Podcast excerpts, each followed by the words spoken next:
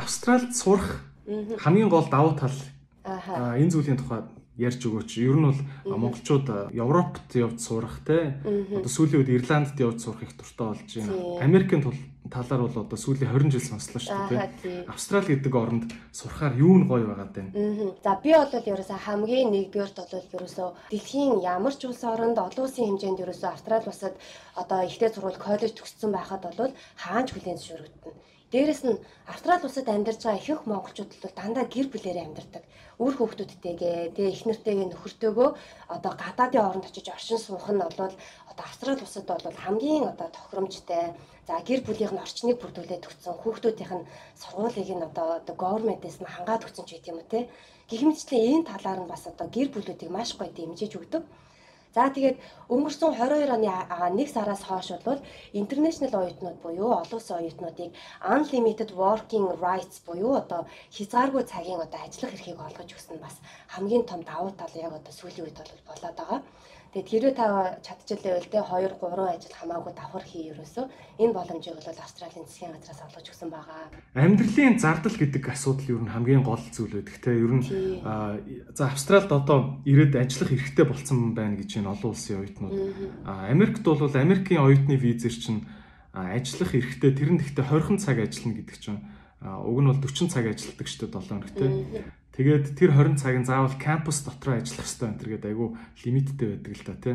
Австралийн хувьд бол хаа сайгүй ажиллаж болох уу? Нь ямар ямар ажил хийдэм бэ? Манайхан ер нь юу ямар ажил хийдэм бэ оюутнууд маань? Австрали улсын одоо амжиргааны зардал бол маш өндөр бас амжиргааны одоо өдөр тутмын тэр зардал өндөртэй орнотхоо тоонд бол бас яг албасаар ордог.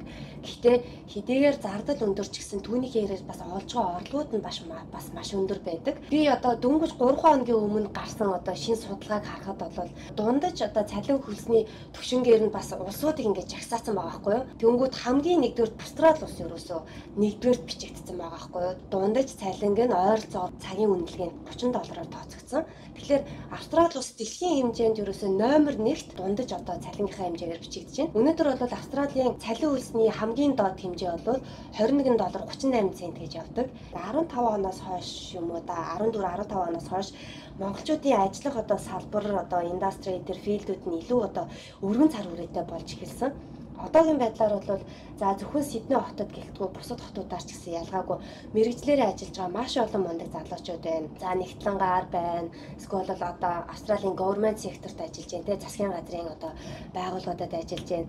За байрлал дотроо бас те нэлээд одоо мэрэгшээд одоо civil engineer ч юм уу те илүү инженерийн тал руугаа бас одоо албан тушаал дээгүүр ажиллаж байгаа монголчууд их байна. Манай Perth буюу одоо баруун Австралид бол уурхад ажиллаж байгаа мундаг мундаг инженерүүд бас зөндөөх байна. Одоо child healthcare education буюу одоо сургуулийн өмнөх насны боловсрол олгох одоо багш нар маань бас түлийн үед түлхүү орж ирж байна.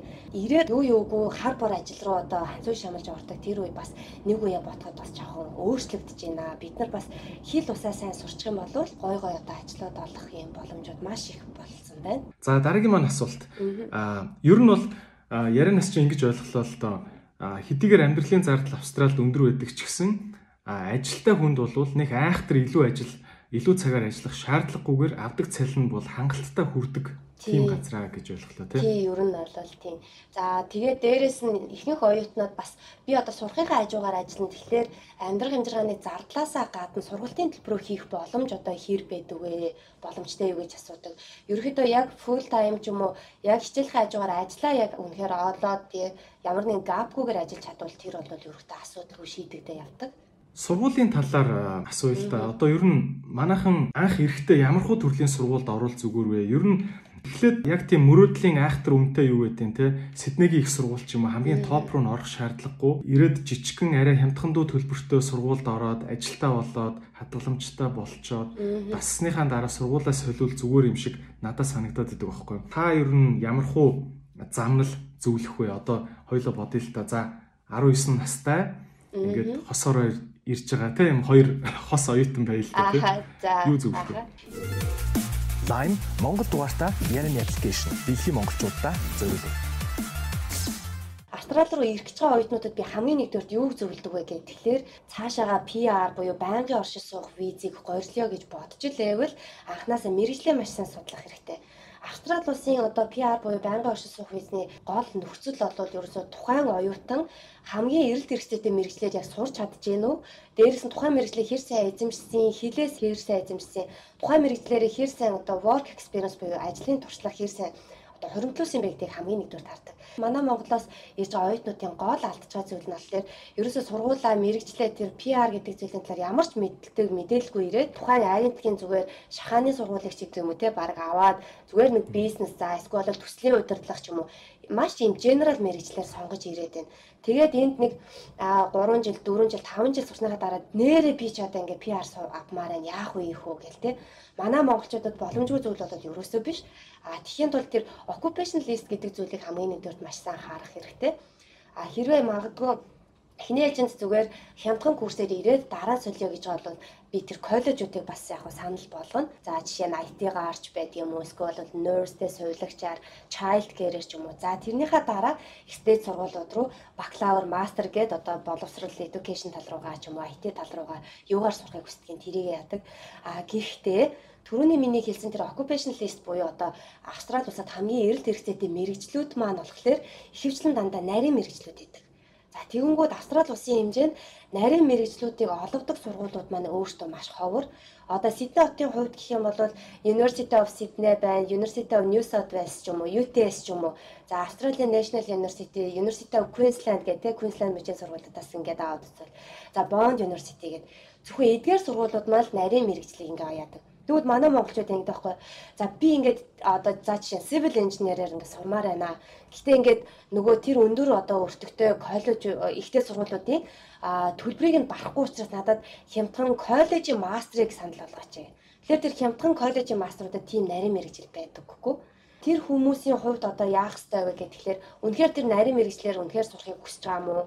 Дээрээс нь тэр одоо нарийн мэрэгжил рүү тэр өндөр өртөгтэй сургууль руу ороход entry requirement буюу тавигдах шаардлагыг хангаж байгаа мó IELTS-ийн онооч нь хүрч байгаа мó тэр болгоныгоо эхлээд ингээд нягтлах хэрэгтэй. За англи хэлний тийм одоо дутагдaltaй байдлаас үүдээд өөртөө судлахтаа жоохон дулмаг дутмаг судалдаг. Энэ тохиолдолд одоо яг бид нарт хандах хэрэгтэй л дээ. Нэгдүгээр сургуулийн тавигдах шаардлагуудны үүднээс хоёрдугаар одоо иммиграшны одоо визэн дээр тавигдах шаардлага гэх мэтчлэн энэ энэ талаас нь цаашлах юм бол та нар хэрэг цаашдаа магадгүй PR одоо горилно гэж үзвэл одоо жишээ нь бизнесээс сурах гэж байгаа хүмүүс зүгээр бизнес администрашнаар сурах юм уу эсвэл бизнес аналистаар сурах юм уу тэгвэл бизнес администрашн гэдэг лист occupation list нь байдаг байхгүй юу Тэгэхээр бизнес аналист болгоод баг зэрэг одоо ингээд өөрчлөхөд та цаашдаа магадгүй PR сурах ийм боломж үүснэ. Тэгэхээр бид нар энэ хувилбаруудыг тэр хүнд гаргаж өгдөг гэсэн. Ер нь Австрали улс өөрөө ямар төрлийн мэрэгчлээ хүмүүсийг улсдаа удаан байх хүсэлтэй байна. Тэрийг нь анханасаа ойлгож сурах юм бол сургуулаа төгсчөөд байнгын оршин суугч болж эсвэл бүр удаан хугацаагаар Австралид амьдрах боломж нь нэгдэх гэдэг юм тийм үү? Тий, яг үнэ. Ааха. Нэгэнт Австралид оюутны визээр ирсэн байхад дараа нь сургуулаа солих, визээс визний төрлөө солих ч юм уу иймэрхүү өөрчлөлтүүд хийхэд хэр уян хатан байд юм бэ? Тэгээд Австралийн элчин сайдын яам гэдэг юм Монголд элчин сайд яам чих нөгөө виз виз авдаг нөгөө консулын яам гэж ярьдаг лээ консулын газар гэж ярьдаг. Тий.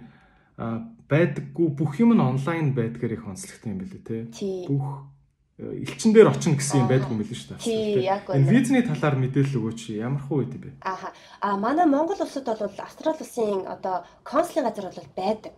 Австрали улсын элчин гэхдээ Монгол дахь одоо элчин сайдын яам маань ерөөсөө визний процессыг бол хийдэггүй. Манай Монгол улсаас аплай хийж байгаа ерөөсөө бүх оюутны виз Бээжин дэх иммиграшн руу явдаг. Аа тэгэнгүүт хүмүүс бас ингэж асуудаг. Би одоо Америкаас мэдүүлж байгаа. Тэгэхээр би Америк дахь Австралийн элчин сайдын яам руу виз мэдүүлэх үү? А эсвэл би Японд байгаа ч гэдэг юм уу те. А тэгэхээр ерөөсөө Монгол улсын паспорт Тэ хүн л бол ерөөсөө тухайн хүний виз нь Бээжин дэх иммиграшн дээр процесс хийгддэг гэсэн үг. Нөгөө виз мэдүүлснийхаа дараа солих боломж хэр байдаг вэ гэхээр тэрнээр бол Австралисын иммиграшн бол харьцангуй маш одоо уян хатаа ханддаг. Ерөнхийдөө таны визэн дээр нөгөө no further stay буюу одоо цаашид энэ визнес цаашаага үргэлжлүүлэн одоо орших те байх одоо боломжгүй юм а гэдэг ийм кондишн ерөөсө заагаагүй бол асуудалгүй та ямар ч виз рүү ерөөхдөө хөрвөх боломжтой. Гэхдээ мэдээж альва визнүүд чи өөр өөр ингэсэн тавигдах шаардлагатай шүү дээ. Тухайн тавигдах шаардлага хангаж л байгаа тохиолдолд яаж ч хөрвж болно. Одоо жишээ нь хамгийн ойрын жишээ гэх юм бол аялын виз мэдүүлээд Австрали улсад ирсэн хүмүүс сургалтын виз болгож болно. За сургалтын визтэй ирсэн хүн сургуулаа төгсөх юм бол 485 виз рүү хөргөж болно. Эсвэл яаж мэдгүй ирээд одоо Австрали иргэнтэй сурсан хүн бол партнер виз мэдүүлж олно ч гэдэг юм. Цаашаа PR ч болт юм. Юу ч гэдэг те. За эсвэл 482 ч гэдэг юм нөгөө спонсор виз ч юм уу мэдүүлэх. Гэх мэтчлэн ямар ч виз рүү ерөөхдөө хөрөх бол боломж бол бүрэн байдаг. А хоёул зүгээр бодъё л доо. За нэг цагаан сараар нэг баах үеэлүүдтэйгээ цугладаг штэ. Гэмээг гиндэ те. За мэдээж бол ихэнх Монгол айлын хувьд бол за ингээд баахан үеэлүүдээр 10 хэдэн хүүхэд цуглалаа гэхэд магадгүй нэг хоёрынх нь англи хэл маш мундаг. Тэгээ ихэнх нь бол YouTube үзээд ойлгочдөг. Магадгүй нэг 4 5 сайн бүр YouTube үзэж ойлгохгүй. Гэхдээ бол дэжгүй хичээлээ бол англи хэлний хичээлээ хийгээ явж байдаг хүүхдүүд байдаг те. За хил ус нь ер нь бол ойрын 1 2 жилдээ тэгэж айхтар усцаас болж амжихгүй баха гэж байгаа хүүхдүүд хүүхдүүд те. За эсвэл бүр 24 5 та залуучууд байж болно. За тийм хамаатны дүүнер чинь ингээд ана би ингээ Австрали явмаар байна. Гэт ингээ үрээдрүүл.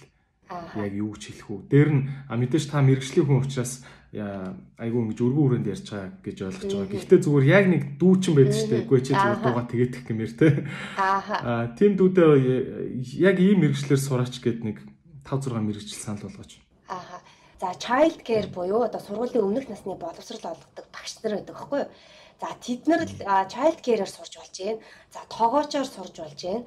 За эсвэл бол өсчин биш үү те. Өсчин маань хүртэл одоо ингээд хамгийн эрэлт эрсдэлтэй мэрэгчлэлд одоо ороод байна шүү дээ өсчингээр сурч болж байна за эсвэл бол юугаар сурч болж байна сувилагчаар сурч болж байна carpentry буюу одоо нөгөө мужаанууд бас эрэгтэй хүүхдүүдэд бол айгүй зүгээр. Дээрээс нь зөв коллежийн боловсрлоос PR руугаа горилох боломжтой ч юм уу тий. А эсвэл бол одоо гагнуурчуд байна. Гэх мэтчлийн иймэрхүү жоохон уур чадвар шаардсан ерөөхдөө мэрэгчлүүд бол цаашдаа илүү их хэрэгцээтэй. Дээрэс нь коллежийн одоо энэ боловсрол маань бол хитрхи нөгөө өндөр түвшний англи хэл шаарддаггүй учраас ер нь бол IELTS-ийн 5.5 оноо шаардж байгаа шүү дээ. Тийм болохоор хэл жоохон муутай тэгсэрнэ магадгүй ирээдүйд нь хэрэгтэй гэж үзэх юм бол би эдгээр курсуудыг бол санал болгоно.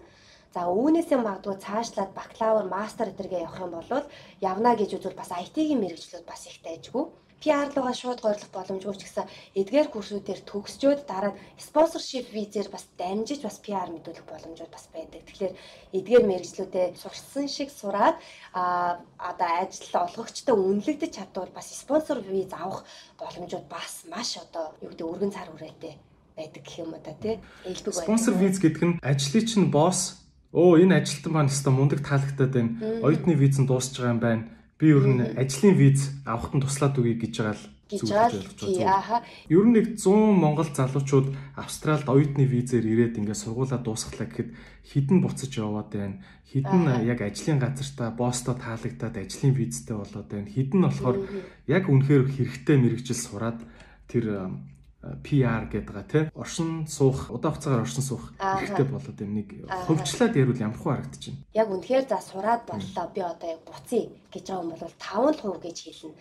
Гэхдээ энэнд бол сайн нөгөө ковидын үеэр буцсан монголчуудыг ерөөсө тооцохгүй шүү дээ. Энэ бол яалтчгүй давжгүй үтсэн зүйлээс үүдээд буцсан. А харин үүнээс спонсоршип виз бол бараг нэг 20-30% нь бол авч чадчихээн. Ер нь манай Монгол оюутнууд Монгол ажилчид бол одоо эмплойертой бол маш сайн үнэлэгдэж чаддаг. Үнэхээр хард воркинг ийм залуучууд байдаг. А хандлага бас их сайтай. За яг PR-аа авч чадж байгаа хүмүүс бол яг одоогийн байдлаар би нэг 10% тай л гэж хэлэх бах та. PR ер нь бол татуу самралдаа ер нь бол авахд бас нэлээд хүнд мастер төгслөө мастрын хэмжээний дахиж зардал гаргаж ээж PR-ыг авдаг. Одоо IELTS-а дахин дахин бэлтжээж тэр IELTS-ийн 7 юм уу 8 оноо авах ч юм уу Эсвэл бол за тэр PY буюу professional year гэж програм сууж иж нэмэлт оноо авдаг ч юм уу. Гэх мэтчлийн юм нэмэлт оноо авах тэр арга замууд нь өөртөө бас ялгаагүй маш их зардлыг дагуулж идэг. А замаас нь замын дундаас шантрах хүн байна те. Анхнаас нь буруу сонголтоор яваад те замаа зөв чиг рүү чиглүүлж анхнаас нь дахиж эхэлж байгаа хүмүүс ч байна. Тэгэхээр PR авч байгаа юу бол маш бага байна. Гэхдээ одоо манай монголчуудад бол боломж бол маш их байгаа. Ер нь бол Америкийн том хотуудыг ер нь монголчууд мэддэг те. Чикагогийн монголчууд, Вашингтоныхан, Сиатлынхан, LA-гийнхан гэдэг ингээд ер нь нэг монголчууд нэг 5 6 хотод хамгийн их төвлөрсөн байдаг. Австралид ямар байд юм бэ? Ер нь хараад хахад Австрал нэг 5 том хоттой муудаа л гэж харагдаад идэв. 5 6 том 5 6 5 6 хотын нэр сонсогдоод байгаа тий. А манайхан ер нь хаагаараа байна. Аль хот нь илүү монголчуудад зохиж байна? Ааха. За манай монголчуудын одоо ихэнх нь бол ерөөсөө Сидней хотод байгаа. За одоогор бол ерөөхдөө Австралид ойролцоогоор нэг 8000 орчим монголчууд байгаа юм шиг байгаа. За тэрний 6000 монголчууд нь Сидней хотод байна. Мельбурн хотод бас монголчууд нэлээд байгаа. За дараагийнх нь болохоор Queensland мужийн а юугаа Brisbane болон Gold Coast хотууд байгаа. Гэтэ Gold Coast яг бас харьцангуй жоохон баг. А Brisbane-ийн хувьд бол нэлээд байхгүй мэлээ Gold Coast. 5 айл ах шиг л. Тий. За тэгээ юуны дараа бол Perth хот байгаа. Манай баруун Австрал бол ерөөсөө а манай уул уурхайн чиглэлийн те салбарын залуучууд бол одоо голлон амьдардаг ийм мууж байгаа. Австралийнхаа 70 задгад юм биш үү те? Перт хоттой. Тий, 70 задгад шиг те ерөөхдөө. Маш олон хүмүүс одоо танаас асуулт асууж байгаа. Байнга л асууж байгаа. Гэхдээ нэг манайхан нэг манайхан ч байхдаа ер нь хүнийл зан л та. Өдөргөө Google дээр байдаг юмыг заавал нэг юм мэрэгчлэг хүнээс лавлж асууж нэг санаа намддаг шүү дээ. Тэ хамгийн их ирдэг те За манайхаа зүгээр би яшиг зүгээр видео хийгээд өгчөө гэж бодогддог асуултуудын хариултыг шууд хэлээч. За тэгэхээр хүмүүс бол ингэдэм хамгийн нэгдүгээр ерөөсөө санхүүгийн баталгааг маш их асуудаг. Би одоо санхүүгийнхаа баталгаа руу тий одоо данс руугаа тэдэн сая төгрөг ингээ бөөн хийчүүл болох уу болохгүй юу гэдгийг айгүйх асуудаг байхгүй юу. За та хэрэг бөөн хийжээвэл эсвэл бол баг багаар хуримтлуулсан хуримтлалаа харуулж байгаа бол тэр бөөн орж байгаа эсвэл хуримтлагдсан мөнгө чинь ямар орлогын хөөсвөрөөс орж ирсэн бэ гэдгээ л харуулах хэрэгтэй. Хүн одоо магадгүй илүү нэг орон сууцаа зараад мөнгө нь бөө орж ирж болно шүү дээ. Тэ яагаад болохгүй гэж Тэрийг л гол нь Австралийн иммиграшнд яг харуулад өгч худалдаа худалдах худалдаа авах гэрээ байд юм уу. За эсвэл бол магадгүй татврын 2% төлсөн баримт ч гэдэг юм уу. Таныг одоо тэр худалдах худалдаа авах гэрээнд дээр тавигдсан өдөртөө чинь яг адилхан өдрөөр тэр данс руу чинь тэр 80 сая 70 сая төгрөг чи ороод ирсэн юм уу те тэрийгээ иммиграшнд харуулад өгч. За эсвэл баг багаар хэрэг данс руу чинь мөнгө орсон бол тэрийг ерөөсөө цалингийн орлогоосоо олсон юм уу бизнесийн орлогоосоо юм уу тэр холбосон дансуудаа харуулад өгч. Тэгэл ерөөсөө болоо. Тэгвэл хүмүүс ингэдэг байхгүй бөөн орохлоор болдгоо байна гэдэг болохгүй биш болно. Гол нь та тайлбарлаж чадсан уу гэдэг зүйл явдаг байхгүй юу? За хоёрдугаарт болохоор англи хэлний шалгуур дээр бас нэлээ их асуудаг. Онлайнаар өгж болох уу? Одоо English Placement Test буюу одоо тухайн сургуулиудын төвшин тогтоох шалгалт гэдэг зүйл байдаг. А тэр шалгалтыг одоо офер хийж байгаа буюу санал болгож байгаа сургуулиуд гэж байна. Эсвэл зарим нь зөвхөн IELTS TOEFL оноо гэж асуудаг. Хэрвээ тэр шалгалтуудыг та пасслахгүй бол тэр шалгалтуудад тэнцэхгүй бол та англи хэлний бэлтгэл авахаас өөр аргагүй тий. Англи хэлний бэлтгэл бол ихэвчлэн 7 хоногийн 4-өөс 5 өдөр яг өдөр болгон явах шаардлагатай болдог. Энэ тохиолдолд нөгөө ажиллаад өдөр болгон хичээлд явна гэдэг айгүйх ядардаг ялангуяа гэр бүлтэй хүүхдтэй хүмүүсийн хувьд тийм болохоор боломж нь байвал Монголдо жоохон англи хэлээ сайн сураарай гэж бас хэлхийг айгүйх хүсдэг. Тийм ээ. Ер нь Австралиг ингээд одоо би ч хууль сурж байгаа ингээд гол философийг хараад хахад ер нь логиктой л байх хэрэгтэй л гэдэг юм л л дээ тий. Ингээд заавал ингээд юмыг хөндрүүлээд байдгүй. Нэг эрүүл ухаанаар нэг энгийн амьдрал ойлгодог хүн ойлгохоор логиктой л өөрийгөө тайлбарлаад ойлгуулцдаг байхад ер нь бол австрал айгүй нааштайгаар бүх юмыг шийдэж өгдөг орон юм бэлээ те. Яг үнэ. А бас нэг зүйл нэмж хэлэхэд нөгөө нэг спонсор бас асуудаг байхгүй юу? Одоо миний одоо төрсэн ах ч юм уу, магадгүй нагц ах ч юм уу, эсвэл миний одоо ажил олгогч олгогч намайг одоо спонсорлмоор байна гинэ. Тэгэхээр энэ болох илүү яах вүлээ гэд тэгдэг. Тэнгүүт мэдээж болно, спонсорлож болно. Тэнгүүт хоорондынхоо уялдаа холбоог маш гоё сайн гаргаж өгөх хэрэгтэй болно энэ миний одоо төрөл садангийн лавлагаар миний төрсэн ах юм аа эсвэл нагц ах юм аа гэдэг харуулдаг ч юм уу. Эсвэл ажил олгогч гэвэл нийгмийн даатгалд төлсөн шимтгэлээрээ ч юм уу те одоо энэ байгууллагын ажилтан тэдэн оноос хойш ингэж байсан тэдэнд одоо төгрөний цалин авч байсан гэдэг нь ингээ харагдана.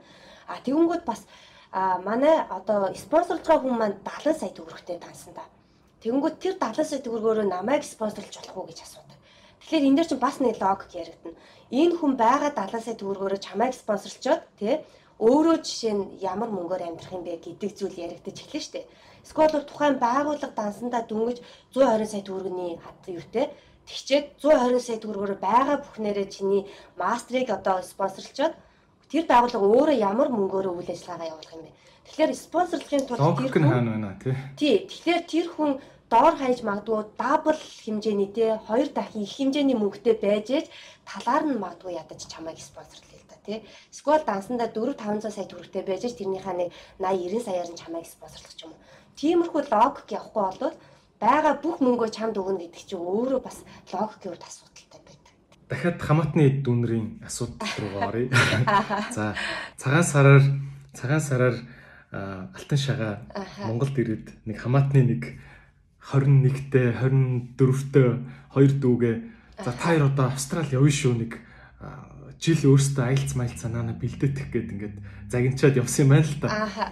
Тэгээд дүүнэрлүгөө буцаад хэлүүл те. За та нар одоо ийм юм юм аа наанаас Монголд байгаа дээр ийм юм юм аа бэлдээдэхээ ийм юм амыг судлаатгаа гэд нэг нэг даалгавар өгдөг дөө нэг их чинь даалгавар өгдөг дөө. Нэг жил ингээд байжээ. Ааха. Ер нь ер нь яг одоо ингээд Австрали явъя гэж шийдсэн бол юу юугаа бэлдэж эхлэх хэрэгтэй юм. Аа. Ямар хуу хугацаа орох бол Тий, ерөөхдөө хүмүүс барыг нэг 6-аас жилийн хугацаанд ер нь бол яг бэлддэг. Аа би яг түрүүний тэр дүүнерт бол 21 настай дүүнерт бол бүтэн жилийн хугацаанд нэгдүгээр айлцаа бэлд, айлцаа зүгээр бэлдэхгүй хажуугаар нь санхүүгийн баталгаагаа давхар бэлд гэж хэлнэ. Хэрвээ чамд үнэхээр зараад үзүүлээд харуулчих 2 дахь 3 дахь тэр байр сав байхгүй л бол санхүүгийн баталгааг маш эртнээс бэлдэх хэрэгтэй. 21 22 та хүүхдүүд гэдэг чинь дөнгөж ихтэй сургуулаа төгсөөд шинээр ажлын байран дээр гарч байгаа хүмүүс байна. Энэ хүмүүс бол эцэг эхээс дэмжлэг авах бүрэн боломжтой. Дээрэс нь өөрийнхөө цалингаас тодорхой хувийг магадгүй 20%, 30%-ийг сар болгон хийдэг. Дээрэс нь эцэг их нь өөрийнхөө цалингаас 20, 30% ингээ хийдэг байдлаар санхүүгийн баталгаа яг яс бэлдэх хэрэгтэй. Тэгэнгүүт санхүүгийн баталгаа бэлдэж байгаа хүмүүс би тэр нэг ихчтэй мөнгө зээлсэн байжгаад тэгээд авсан юм а тэрийг яаж тайлбарлах уу гэдэг. Энэ дээр бол өстэй үнэхээр тийм зүйл тайлбарлаад бол одоо явцгүй л дээ угаасаа. Тэгмэд манай Монголын одоо цалингийн орлогын түвшин өөрөө ямар үлээ те сард за нэг 700 мянга 900 мянга төгрөгийн цалин авч байгаа хүн 20% хий л да тий. Сар болгон 140 мянган төгрөг дансруугаа хийгээд тэр хизээ 70 сая 80 сая 90 сая болох вэ тий. Тэр чинь айгүй асуудалтай. Тийм учраас аав ээж ах дүүгээсээ нэгдүгээр хуримтлал нэмж авах хэрэгтэй. Хоёрдугаарт нь байгууллагаасаа магадгүй бонус хэлбэрээр тий мөнгө дансруугаа авсан бол тэрийг хуримтлал руугаа шууд нөгөө байгууллагаас авах хэрэгтэй. Хүмүүс маш буруу данс руу аваад дараа нь тэрийг холион бантан болгож визнийхаа данс руу хийдэг байхгүй юу? Анханасаа шууд байгууллагаас авснараа чи чинь чанд батлах бүрэн боломжийг үүсгэж өгнө. Гуравдугаар юм бол хүмүүс санхүүгийн баталгаагаа бэлдэнэ гэж шууд шинээр цоо шин данс ингээ үүсгэн явдаг. Энэ бол таны бол дансны ямар ч түүхгүй юм а гэдгийг 100% харуулж өгдөг. Тэгэхээр аль болох олон жилийн өмнө нээсэн за гүйлгээ баг зэргийн сайтай ч юм уу те тиймэрхүү дансан дээр санхүүгийнхаа баталгааг үргэлжлүүлж бэлдэх хэрэгтэй. Санхүүгийн баталгаа заавал хадгаламжийн данс байх хэрэгтэй гэж ойлгоод байдаг. Тэгэнгүүт хадгаламжийн данс байсан ч болно зүгээр харилцах данс байсан ч болно зүгээр картын данс байсан ч болно. Ерөөс ямар ч хамаагүй. Ямар нэгэн байдлаар хуулаг авч болдог байсан гэдгийг л харуулах юм тий. Тий. Ямар нэгэн байдлаар хуулаг авч болдог, тухайн дансан дээр тодорхойлт авч болдог л бол ямар ч данс байж болно. Мөн дээрэс нь банк ус санхүүгийн байгууллагууд байж болдог шүү. Банк ус санхүүгийн байгууллагууд одоо арилжааны банктай харьцуулахад хадгаламжийн хүү харьцангуй өндөр байдаг учраас хүмүүс бас банк усыг айгүй сонирхдог байж болно. Ер нь ийм тоо байгаа юу? Ер нь юу гэдэг чинь за Австралид сургууль сурахын тулд хадгаламж ер нь багтаа нэг тэдэн сая төгрөгийн хадгаламж чамд хэрэгтэй дээ ядаж нэг байр гэдэг чи аав ээжийнхээ байрыг ч юм уу одоо миний баталгаа юм а гэд харуулах гэдэг шүү дээ тий. Эсвэл нэг ахынхаа ахынхаа компаниас намайг оюутан болохоор араас ингээд энэ компани спонсорлно гэд нэг бичиг энтер гаргуулж авах гэдэг шүү дээ тий. Аа тий. Ер нь тэгээ ер нь яаж бэлтгэх юм бэ? Одоо санхүүгийн баталгаагаа бэлтэнэ гэхээр оюутнууд За манай байгууллагын хувьд бол яг одоогоор одоо англи хэлний бэлтгэл болон коллежээр ирж байгаа оюутнуудад бол нэг 80-аас 90 сая төгрөгийн санхүүгийн баталгааг бол одоохондоо бол тавьж байгаа. Яагаад одоохондоо гэж ярьж байгаа вэ гэхээр эн чинь нөгөө нэг австрал долларын нөгөө нэг юу вэ шүү дээ ханш шүү дээ тэрнтэйгээ шууд уялдаж байгаа. Одоо хэдхэн жилийн өмнө бол одоо нэг 1800 тэртэй байсан бол одоо 2200 тэ шүү дээ австрал доллар. Тэгэхээр энэ ханштайгаа нэгдүгээр маш сайн уялдах хэрэгтэй. Тэгээ энэ 80 90 сая төгрөг гэдгийг чинь бид нар бас санаанаасаа зохиогоод байгаа юм бол ерөөсөө биш аахгүй юу? Австрали улсын иммиграшнээс ерөөхдөө статистик датагаар одоо за нэг хүний амьдрах амжиргааны зардал 21041 доллар байна гэд бүр одоо хуулиндаа заасан. За аяллаа зардал бол замын зардал дунджаар 2000 доллар байна. За үүн дээр одоо хэрэг эхнэр нөхөртөөгөө ирнэ гэх юм бол эхнэр нөхрийнх нь амжиргааны зардал, хүүхдийнх нь амжиргааны зардал, хүүхдийнх нь сургуулийн төлбөр, за мөн дээрэс нь тухайн оюутны нэг жилийн сургалтын төлбөрийг нэмж санхүүгийн одоо баталгааг гаргана гэдэг ийм хуулиа бүр ингээд дүнтэй ингээд бичиж тавьсан байдаг юу. Тэгэхээр тухайн оюутны одоо санхүүгийн баталгаа бол тухайн оюутны аплай хийсэн сургуулийнх нь нэг жилийн сургалтын төлбөр дээр саяны миний хэлсэн зардлууд нэмэгдээд санхүүгийн баталгааны хамгийн бага дүн тий хамгийн багадаа ийм хэмжээний мөнгө гаргана гэдэг энэ дүн гарч ирдэг. За дээшлээд хэрэг мастер бакалаврт университет сурах болох юм бол ерөөхдөө хамгийн багадаа нэг 100-аас 120 сая төгрөгийн санхүүгийн баталгаа хэрэг болж байгаа. Гэтэ энийг хамгийн багадаа гэж хэлж байгааг бас айгүй анхаарах. Тийм байна. Тэгэхээр энэ одоо сая 90 сая төгрөгийн санхүүгийн баталгаа эрэхтэй гэж байна. Энэ 90 сая төгрөг нь яг бэлэн мөнгөөр байх албагүй магадгүй тал нь бэлэн мөнгөөр хадгаламжийн одоо харилцах дансанд нь байгаад зарим нь захиа компаниас гаргаж өгсөн баталгаа хэлбэрээр энэ төр байж болох уу? Им холимог хэлбэрээр. Тий, байж болно. Тухайн хүн болохоор санхүүгийн баталгаагаа 2-оос 3 даасан дээр хүртэл бол харуулж болно. Гэтэ тэрнээс илүү ч байж болно. Гэтэ илүү байгаад ирэхээр тайлбарлахад жоохон төвөгтэй болоод иртээ. За жишээд 2-оос 3 данстай байлаа гэж тий. Нэг нь яг өөрийнх нь данс. За хоёр дахь нь болохоор спонсорын данс бай гэж болъё. Бодъё. За гурав дахь нь магадгүй өөрийнх нь зүгээр цалингийн дас тий. Одоо би үнэхээр энэ ажил олгогчоос цалин автима гэдгийг харуулдаг цалингийн дас байж болно. Эднийгээ сайхан хооронд нь уялдуулаад тайлбарчна л гэсэн үг. Ойлголоо. Аа хосуудын хувьд гэж ярьж байгаа. Австрали улсын бас нэг онцлог байна л да. Одоо жишээ нь Америкт хосоороо сурна гэвэл гэрэлсэн байх ёстой. Гэрлээд багада 2 жил болсон байх ёстой энэ төр гээд шаардлагуудтай байдаг хосоор явахад. Гэхдээ одоо өөр үеж магадгүй 10 10 жилийн өмнө л тийм байсан.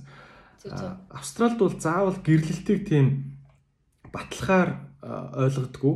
Ер нь бол хоёр хүн хамтдаа нэг орон герт 3 жил амьдэрсэн, хамтдаа 3 жил үерхсэн гэдгээл баталчул ерөөхдөө шууд хосын виз өгчт юм байна гэж ойлгосон. Яг үнэн зөв. Тэгээ хосоороо ирэх хүмүүст ямар зөвлөх өгөх вэ? Аа. За тэгэхээр нөгөө dependent буюу одоо дагалдан виз мэдүүлэх тэр визний ч өөрийнх нь бас үндсэн шалгуурууд байгаа л да. Тэгэхээр үндсэн виз мэдүүлэгч болон дагалдан виз мэдүүлэгч хоорондын одоо relationship буюу хоорондын хамаарлыг бол зайлшгүй одоо сүүлийн 12 жилд тий хоорондын одоо хамааралтай байсан гэдгийг үзүүлэх шаардлага бол зайлшгүй байдаг.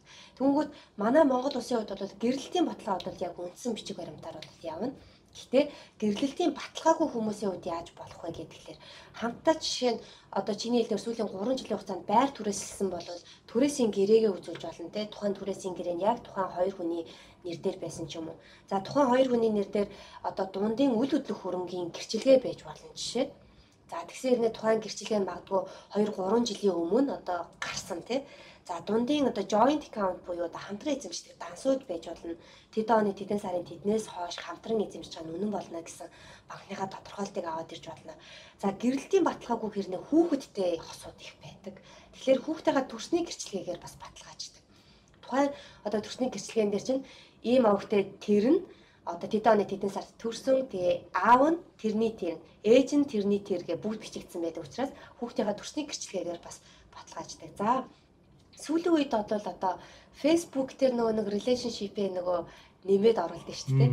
Тэр бас айгүй хөөрхөн бас relationship-ийг чинь баталж өгнө. Дээрээс нь Facebook-ийн постууд буюу хамтаа авахгүйсэн зураг ийшээ тийшээ аялсан аялал Facebook дээр нөгөө нэг юугаа чек ин хийдэж шүү дээ. Хамтдаа ингээд аялсан газруудаа тэр болгон чинь бас нэмэлтээр юм юу байж бас болдог.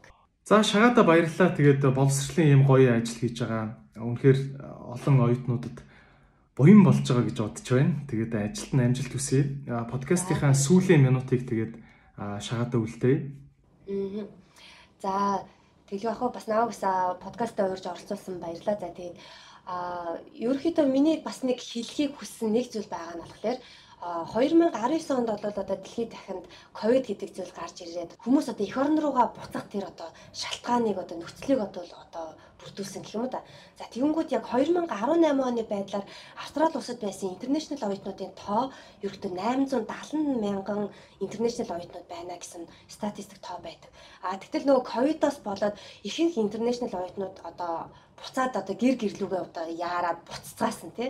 Одоо тэгэнгүүт 22 оны 10 сарын байдлаар буюу одоо дөнгөж сарын өмнө гэхэд энэ тооцоолыг гаргахад 370 мянган л интернэшнл оюутнууд Австралид байна гэдэг энэ тоо баримт гарсан. Энэ маань бүр хэд дахин ингээд буурсан. Тэгэхээр яагаад Австралийн засгийн газар одоо өнгөрсөн 22 оны 1 сард жишээ нь интернэшнл оюутнуудыг одоо unlimited working rights болгоод те хязгааргүй ажиллах эрхийг олгосон юм бэ? Яагаад одоо хилээ нэснээсээ хойш одоо оюутнуудад визийг одоо ингэж их олноор ингээ гаргаж байна гэхлээр одоо Австрали улсын одоо employment тэр одоо ажиллах хүч нь бол бас интернэшнл оюутнуудаас маш их бүрдэж исэн байхгүй юу. Тэгэнгүүт тэр интернэшнл оюутнууд нь бөөн бөөнөрөө хэдхэн жилийн дотор ингээд ингээд алга болсон тий.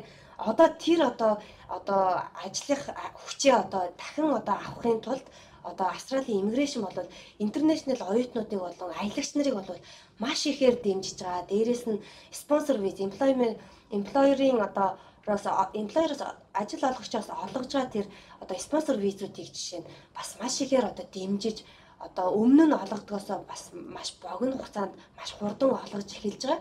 Тэгэхээр энэгээр би юу гэж хэлэх гээд байна гэхээр манай Монголоос бас Австрали улс руу ирэхийг хүсэж байгаа оюутнуудад бол энэ нь нөгөө талаараа бас боломж юм а гэж бас үзэж байгаа. Дээрээс нь бас сая манай Монгол болон Австрали хоёр улсын одоо дипломат одоо харилцаа үүсч үүсний 50 жилийн ойтой холбогдуулаад одоо working holiday гэдэг визийг дөнгөж сая 7 сарын 1-ээс эхлээд бас олгож эхэлсэн. 2022 оны хувьд бол 100 л одоо working holiday визийг бол олгосон 23 онд энэ тоо маань бас нэмэгдэх байх гэсэн одоо бас хүлээлт бол бидэнд бас байгаа. Гэх мэтчлэн олон төрлийн одоо визний одоо сонголтыг бас одоо олгож яан Монгол оюутнуудад тэгэхээр энэ боломжийг бас ашиглаад бас та бүхэн маань одоо боловсрлоо одоо дээшлүүлээ Австрали улсад ирж ажиллаж амьдрий гэж байгаа оюутнууд маань энэ боломжийг бас бити алдаарай гэж бас та бүхэндээ хэлмээр байна. Маш их баярлалаа. Ааха. Тэгээд олон олон залуучууд маань Австралид боловсрал эзэмшээсэ гэж хүсэж байна. За ажилд нь амжилт хүсье шаа. За баярлалаа идрээ. Чиний гэсэн ажилд сурлагч өндрөөс өндөр амжилт хүсье. За баярлалаа.